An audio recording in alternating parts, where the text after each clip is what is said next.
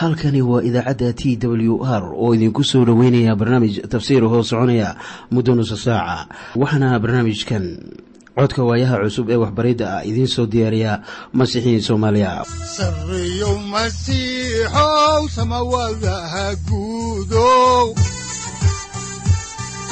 Siraadkii adduunkow subanaha eebow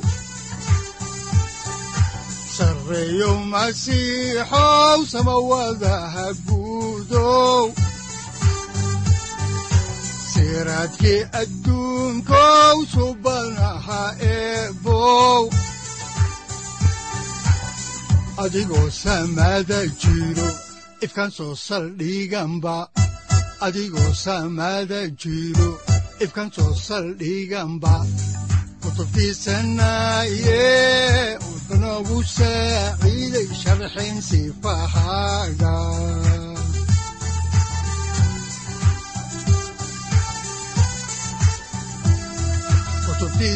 kutubtiisinayow ebanagu saaciid sharxin sifahaaga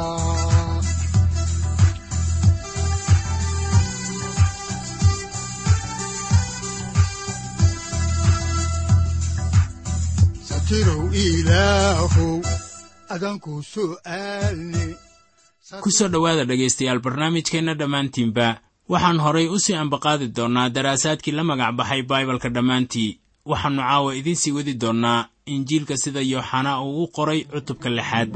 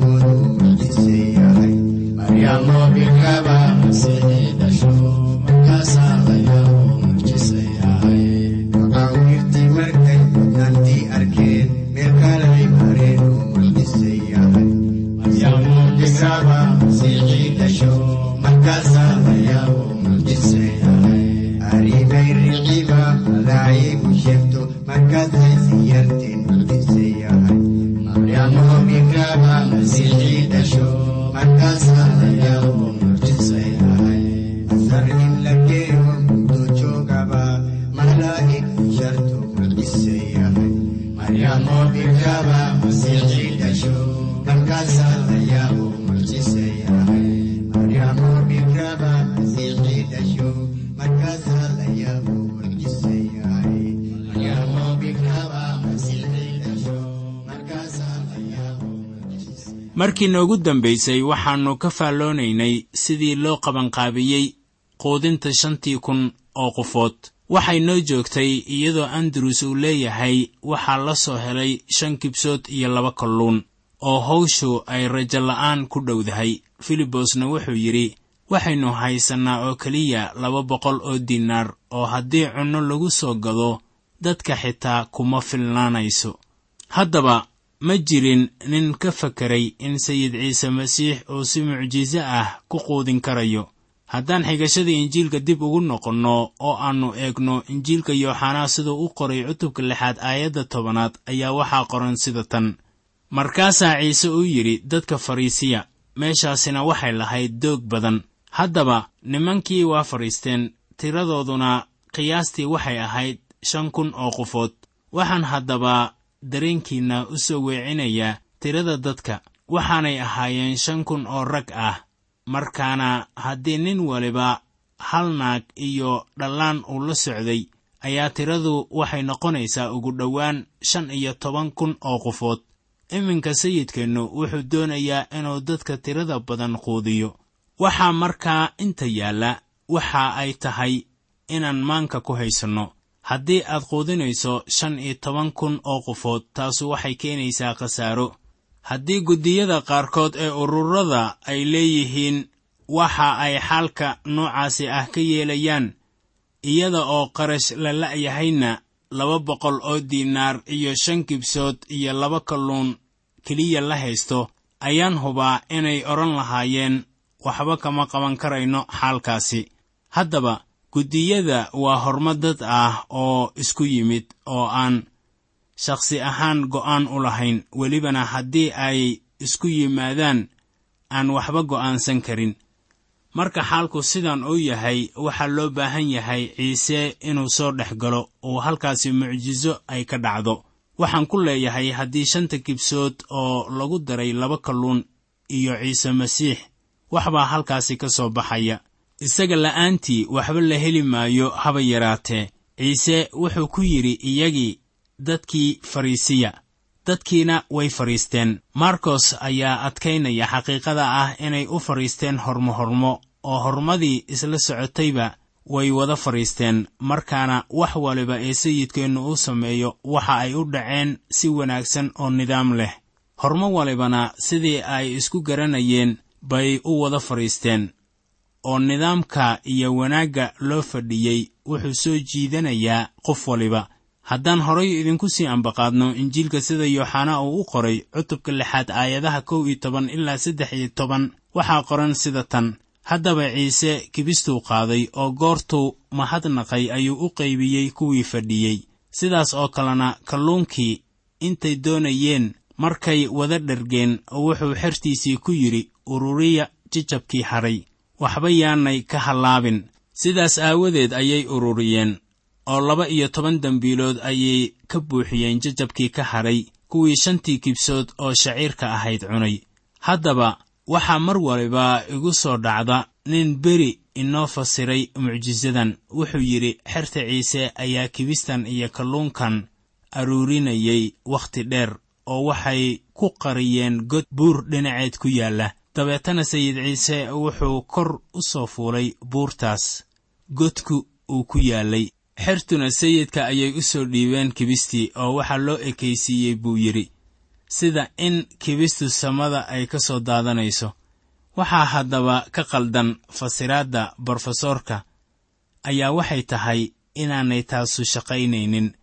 Haddaan dhinaca kale ka eegno ayaa waxaa hubaal ah inaan la helaynin baryahaas rooti sidaas u badan oo la siiyo dad gaaraya ilaa iyo shan iyo toban kun oo qofood halkeebaase laga helayaa kalluunka sidaas u badan wakhtigaas.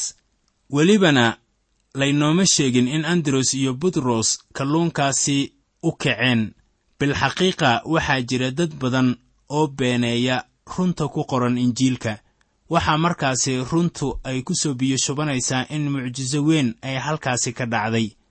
Waxaana taas ay ku qoran tahay kutubta oo dhan oo sidaan horayba idinku sheegnay ma jirin qof noolaa berigii ciise masiix oo ka shakiyi jiray mucjisooyinkiisa waxaad arkaysaa in isaga iyo farrisiintu ay isku qabsan jireen waxyaabo kale oo aan ahayn mucjisada uu samaynayo laakiin waxay ku qabsan jireen waxyaabo la xidhiidha dhaqanka iyo caadada.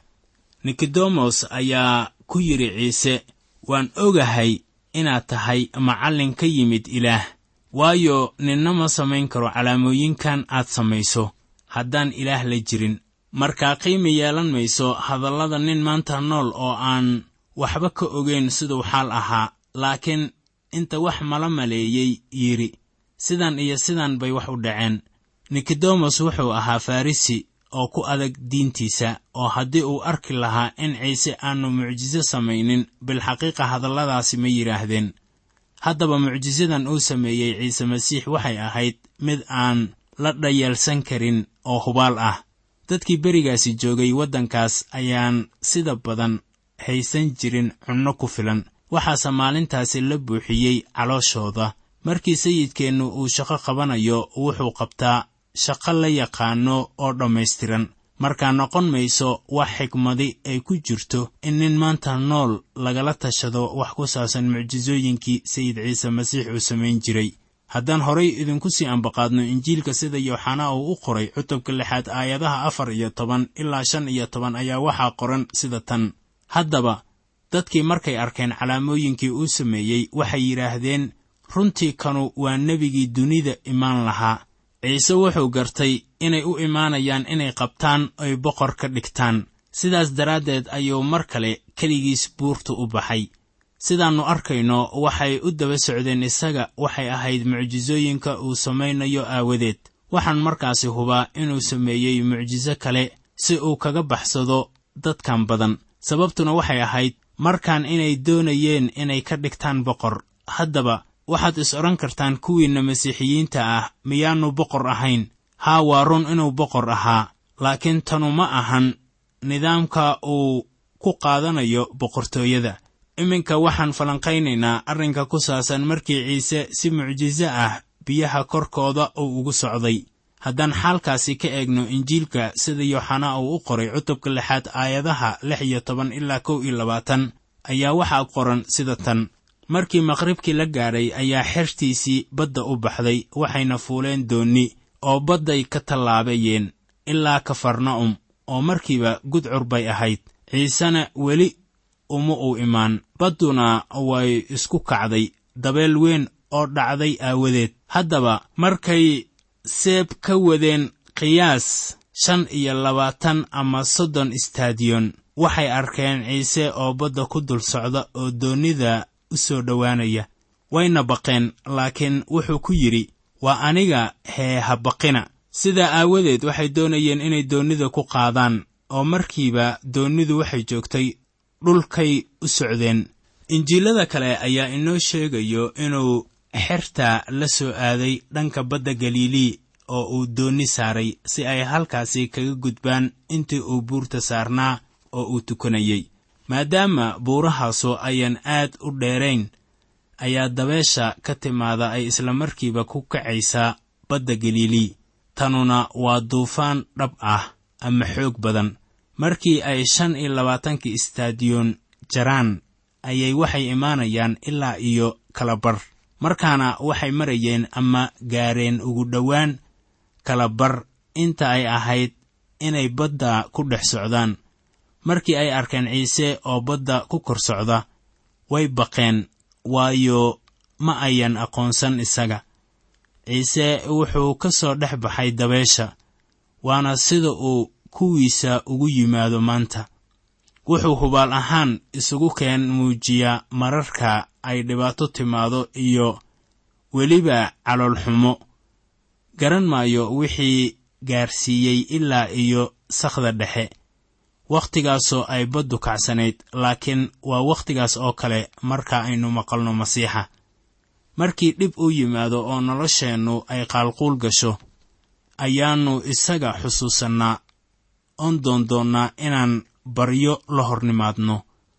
Waxaa qoran oo markiiba doonnidu waxay joogtay dhulkay u socdeen. Tani waxay noqon karaysaa mucjiso kale amase yooxana ayaa taasi ula jeeda inay wakhti aan fogeen kadib ay gaareen maadaama ay mawjadihii degeen. Waxaa laga yaabaa markii uu u yimid inay farxad aawadeed gaareen meeshii ay u socdeen. Ciise wuxuu bilaabayaa inuu dadka kala hadlo wax ku saabsan kibista nolosha. Waxaan haatan arkaynaa in dadkii badnaa ay bilaabeen inay raadiyaan isaga wayna kari waayeen inay helaan oo waxay arkeen in sayid ciise masiix iyo xertiisiiba ay tageen haddaan horay idinku sii ambaqaadno xigashada ayaa waxaa ku qoran injiilka sida yooxanaa uu u qoray cutubka lixaad aayadaha laba iyo labaatan ilaa afar iyo labaatan sida tan. Maalintii labaad dadkii badnaa oo badda dhankeeda kala taagnaa. Waxay arkeen inaan doonni kale joogin mid maahee oo aan ciisena taasi la fuulin xertiisii. Laakiin in xertiisii keligood ay baxeen. Laakiin waxaa tiberiyas ka yimid doonniyo wayna u soo dhowaadeen meeshii kibistii lagu cunay. Markuu rabbiga mahadnaqay dabadeed. Markii dadkii badnaa ay arkeen inaan ciise halkaasi joogin iyo xertiisiiba waxay fuuleen doonyihii wayna yimaadeen kafarna'um iyagoo ciise doondoonaya. Waxay sida abbaarta ah ka yimaadeen qaybaha koonfureed ee badda galilii halkaasuuna ku quudiyey. Dabadeedna waxay kafarna'um ku yimaadeen doonni. Taasina waxay u muuqataa inay tahay waxa inta inoogu qoran. Weliba waa markii ugu horraysay ee yooxanaa uu ugu yeero ciise rabbi. Markaasoo uu lahaa markuu rabbiga mahadnaqay dabadeed. Sidaan aragnay magaca caadiga ah oo yooxanaa halkan uu ku isticmaalayo sayidka waxa weeye ciise. Waayo isagu waa hadalka oo jir noqday haddaba marka la leeyahay hadalka yaa loola jeedaa. Waxaa loola jeedaa ciise. Waxaa malaa'igta ay ku tidhi maryama waxaad isaga ugu yeertaan ciise waayo wuxuu dadkiisa ka badbaadin doonaa dembiyadooda. Sida ku qoran injiilka sida matayas uu u qoray cutubka koowaad aayadda kow iyo labaatanaad. Haddaba dadkii badnaa waxay hubaal ahaan doonayeen inay ogaadaan sidii uu uga tegey haddaan horay idinku sii wadno ayaa waxaa ku qoran injiilka sida yooxanaa uu u qoray cutubka lixaad aayadaha shan iyo labaatan ilaa lix iyo labaatan sida tan oo markay isaga ka heleen badda dhinaceeda kale waxay ku yidhaahdeen macallimow goormad halkan timid. Ciise ayaa u jawaabay oo ku yidhi runtii runtii waxaan idinku leeyahay iima doondoontaan calaamooyinkii aad aragteen aawadood ee waa kibistii aad cunteen oo aad ka dheragteen aawadeed ciise kagama jawaabin su'aashooda si toos ah laakiin wuxuu u sheegay asbaabta ay isaga u raadinayaan. Bilxaqiiqa wuxuu ku yidhi waxaad raadinaysaan badar. Waxa aad doonaysaanna waxa weeye inaad calooshiinna buuxisaan. Aayadda toddoba iyo labaatanaad ayaa waxay leedahay ha u shaqaynina cuntada hallaabaysa laakiin u shaqeeya cuntada sii jiraysa ilaa nolosha weligeed ah ee wiilka aadanuhu uu idiin siin doono. Waayo isaga aabbaha ilaaha ah ayaa caddeeyey taasoo uu idiin siinayo wiilka aadanaha. Waayo isaga ilaah baa caddeeyey. Haddaba waxaad xusuusataan in hadalladanu yihiin kuwii uu kula hadlay haweenaydii reer samaariya. Wixii uu kala hadlayna waxay ahaayeen biyo laakiin dadkan badan ee daba socday wuxuu kala hadlayaa kibista. Haddaba biyaha iyo kibistuba waa laba waxyaabood oo lagama maarmaan ah. Kibista iyo biyuhu waxay gacan ka geystaan sidii qofka uu ku noolaan lahaa. Ciise markaa waxa weeye kibista iyo biyaha nolosha. Waxaad ogaataa inuu isticmaali jiray astaamo caadi ah isagu waxa weeye hadalka oo jir buu noqday. Maxaan taasi ku fasiri karaynaa waxaan ku fasiri karnaa in ciise oo ah hadalka uu inoogu imaanayo hab aynu ku fahmi karno. Wuxuu yidhi isagu waxaan ahay biyaha nool. Waxaa kaloo uu yidhi isagu waxaan ahay kibista nolosha. Haddaan horay idinku sii ambaqaadno xigashada kitaabka ayaannu eegaynaa aayadda siddeed iyo labaatanaad ee injiilka sida yooxanaa uu u qoray cutubkiisa lixaad. Waxaa qoran sida tan sidaas aawadeed waxay ku yidhaahdeen maxaannu yeelnaa si aannu shuqullada ilaah u samayno. Markaan dhanka kale ka eegno waxay haatan weydinayaan waxa ay yeelayaan si loo badbaadiyo. Dadku waxay had iyo goor dareemaan inay u shaqayn karaan badbaadadooda. Dadku waxay guud ahaan dareensan yihiin inay badbaadadooda gacan ka geysan karaan. Waxayna dareensan yihiin inay ku halligmi karaan badbaadadooda oo welibana hawshooda ilaah uu aqbalayo. Bal aynu eegno waxa shaqada ilaah ay tahay sida ku qoran injiilka sida yooxanaa uu u qoray cutubka lixaad aayadda sagaal iyo labaatanaad. Waxaa qoran sida tan ciise ayaa u jawaabay oo ku yidhi kanu waa shuqulkii ilaah inaad rumaysataan kii uu soo diray. Sidaad arkaysaan shuqulka ilaah ma ahan waxa ilaah uu amray laakiin waxa weeye waxa ilaah uu sameeyey haddaan dhanka kale ka eegno waa wax ilaah sameeyey ee ma ahan wax adigu aad samayso si lagugu badbaadiyo. Waa shaqada ilaah ee ma ahan tan dadka. Ciisena wuxuu yidhi kanu waa shuqulkii ilaah inaad rumaysataan kii uu soo diray. Wuxuu kaloo leeyahay ilaah baa cunnada keenay oo waa kan ina quudiya maanta. Innana waynu wadaagnaa casuumadda uu ina siiyey waa tan aynu ka qaybgelayno xafladdan weyn. Wuxuu inoo sheegayaa inuu xafladdiisa dadka ku casuumayo waa mid cunno ah laakiin waxa weeye cunnada ruuxa. Haddaan horay idinku sii wadno ayaa waxaa ku qoran aayadda soddonaad sida tan. Sidaa darteed waxay ku yidhaahdeen haddaba calaamadee baad samaynaysaa inaannu aragno oon ku rumaysanno. Marka ay sidaas tahay ayaa halkaasi aan ka ogaanaynaa sida niyadda dadka ay u adag tahay. Halkan ayaa dadkii sayidkeennu sida mucjisada ah ku quudiyey. Waxay ku yidhaahdeen calaamadee baad samaynaysaa inaannu aragno oon ku rumaysanno. Marka dhanka kale laga eego ma ayan doonayn inay isaga rumaystaan innaba. Waxay haddaba hadalladooda soo geliyeen cunnada ay cuni jireen haddaba si aynu xaalka wax uga ogaanno ayaannu eegaynaa injiilka sida yooxanaa uu u qoray cutubka lixaad aayadaha kow iyo soddon ilaa saddex iyo soddon waxaana qoran sida tan. Awoowayaashan waxay cidlada ku cuneen cunnada sidii loo qoray. Wuxuu samada ka siiyey kibis ay cunaan. Haddaba ciise wuxuu ku yidhi runtii runtii waxaan idinku leeyahay. Muuse samada idinkama siin kibistii laakiin aabbahay baa samada idinka siiyey kibista runta ah. Waayo kibista ilaah waa kan samada ka soo degay oo dunida nolosha siiya.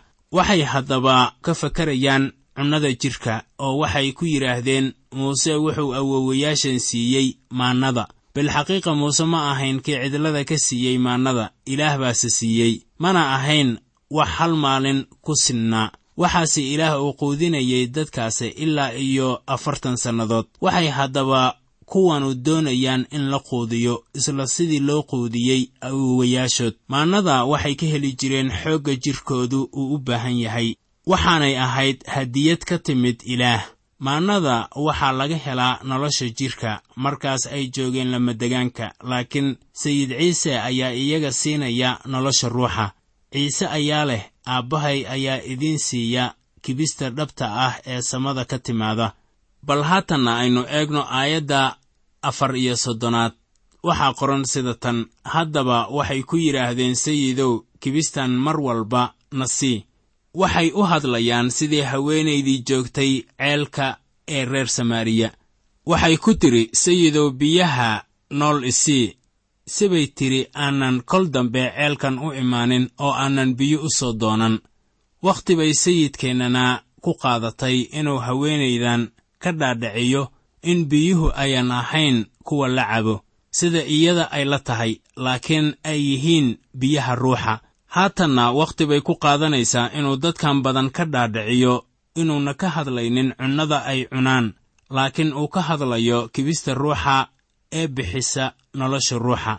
Haddaba waxaan horay idinku sii wadaynaa xigashada kitaabka waxaanan eegaynaa injiilka sida yooxanaa uu u qoray cutubka lixaad aayadda shan iyo soddonaad waxaa qoran sida tan markaasaa ciise wuxuu ku yidhi anigu waxaan ahay kibista nolosha kii ii yimaado ma gaajoon doono kii i rumaystaana ma harraadi doono weligiis wuxuu haatan isku xidhay labadii shay ee uu ka hadlayey oo wuxuu yidhi waxaan ahay maannada isagu waa kii ka yimid samada oo noloshiisa siiyey dunida si aynu nolol ku helno taasaana loo yaqaannaa nabaaddiinno waxaan kaloo arkaynaa inuu yahay kibista nolosha oo aynu u baahan nahay inaan si joogto ah u quudanno si aynu xagga ruuxa uga korno. Si kastaba ha ahaatee maannadu waa cunno mucjiso ah oo yaab badan.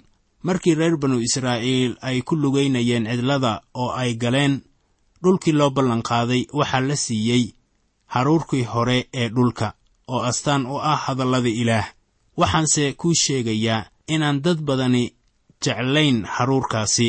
Haddaan hore idinku sii ambaqaadno injiilka sida yooxanaa uu u qoray cutubka lixaad aayadaha lix iyo soddon ilaa toddoba iyo soddon waxay inoo sheegayaan sida tan. Laakiin waxaan idiin sheegay inaad i aragteen mase rumaysataan dhammaan wuxuu aabbuhu i siiyo way ii imaan doonaan oo kii ii yimaadana ma eryi doono. Haddaba ma doonaysaa kibista nolosha wuxuu leeyahay masiixu isaga ayaa ah kibista nolosha. Wuxuu kaloo ku leeyahay waxaan idiin sheegay inaad i aragteen mana i rumaysataan. Wuxuu kaloo halkan ku leeyahay dhammaan wuxuu aabbuhu i siiyo way ii imaan doonaan oo kii ii yimaadana ma eryi doono. Haddaba aayadda soddon iyo toddobaad waa mid muhiim inoo ah. Waxaa jira dood diimeed maanta oo ka taagan doorashada iyo doonista xorta ah haddaan caawa intaasi ku soo ekayno ayaa nuxurka cashirkeenna caawa uu noqonayaa aayadda soddon iyo shanaad. Markaasoo uu ciise lahaa aniga waxaan ahay kibista nolosha kii ii yimaado ma gaajoon doono kii i rumaystaana ma harraadi doono weligiis. Ciise wuxuu leeyahay haddii aynu hadalladiisa iyo waanooyinkiisa raacno ayaa taasu ay nafsadayada u noqonaysaa kibis oo waxay noqonaysaa inaan xoog gudaha ah yeelanno waa marka aynu raacno hadallada uu inagula hadlayo. Wuxuu kaloo ku yidhi xertiisa durbadiiba waad nadiifsan tihiin. Hadalladan idinkula hadlay aawadood. Marka waa hadalkan jidhka noqday oo ina dhex joogay. Waxaa inoo noqonaya kibista ruuxa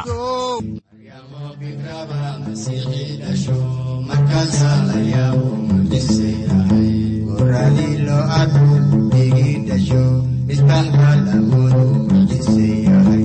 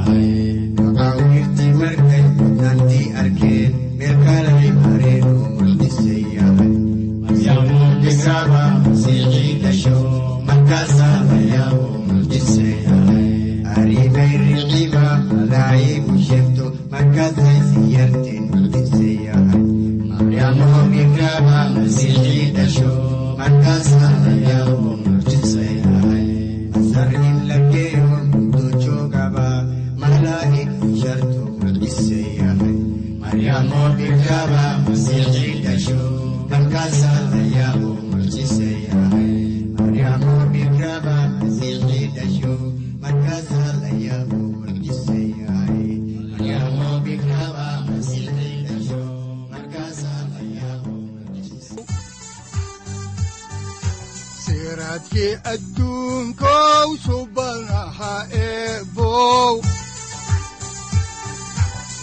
adigoo samaada jiro ifkaan soo saldhiganba adigoo samaada jiro ifkaan soo saldhiganba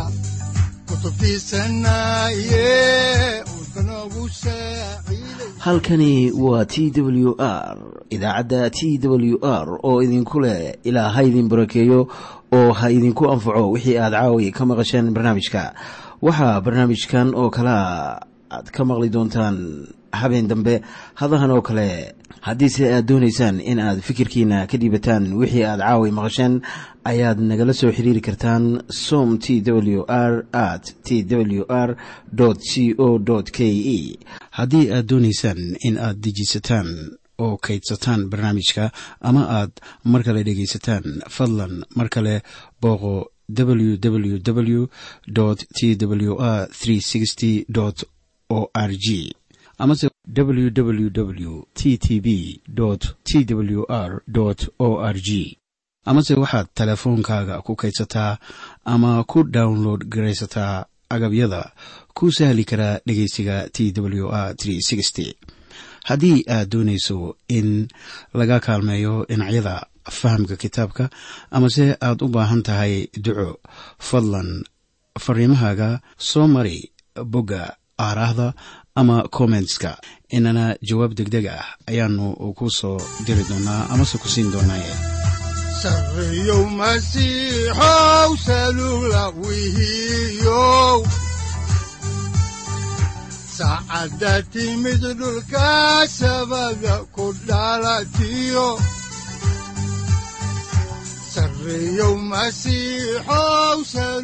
halkani waa t w r oo idiin rajaynaya habeen baraare iyo barwaaqaba leh inta aynu ka gaari doono wakhti aynu ku kulanno barnaamij la mida kan caawayay aad maqasheen. Waxa aan idinku leeyahay nabadda ciise masiix ha idinku badato xagga jidhka iyo ruuxaba. Aamiin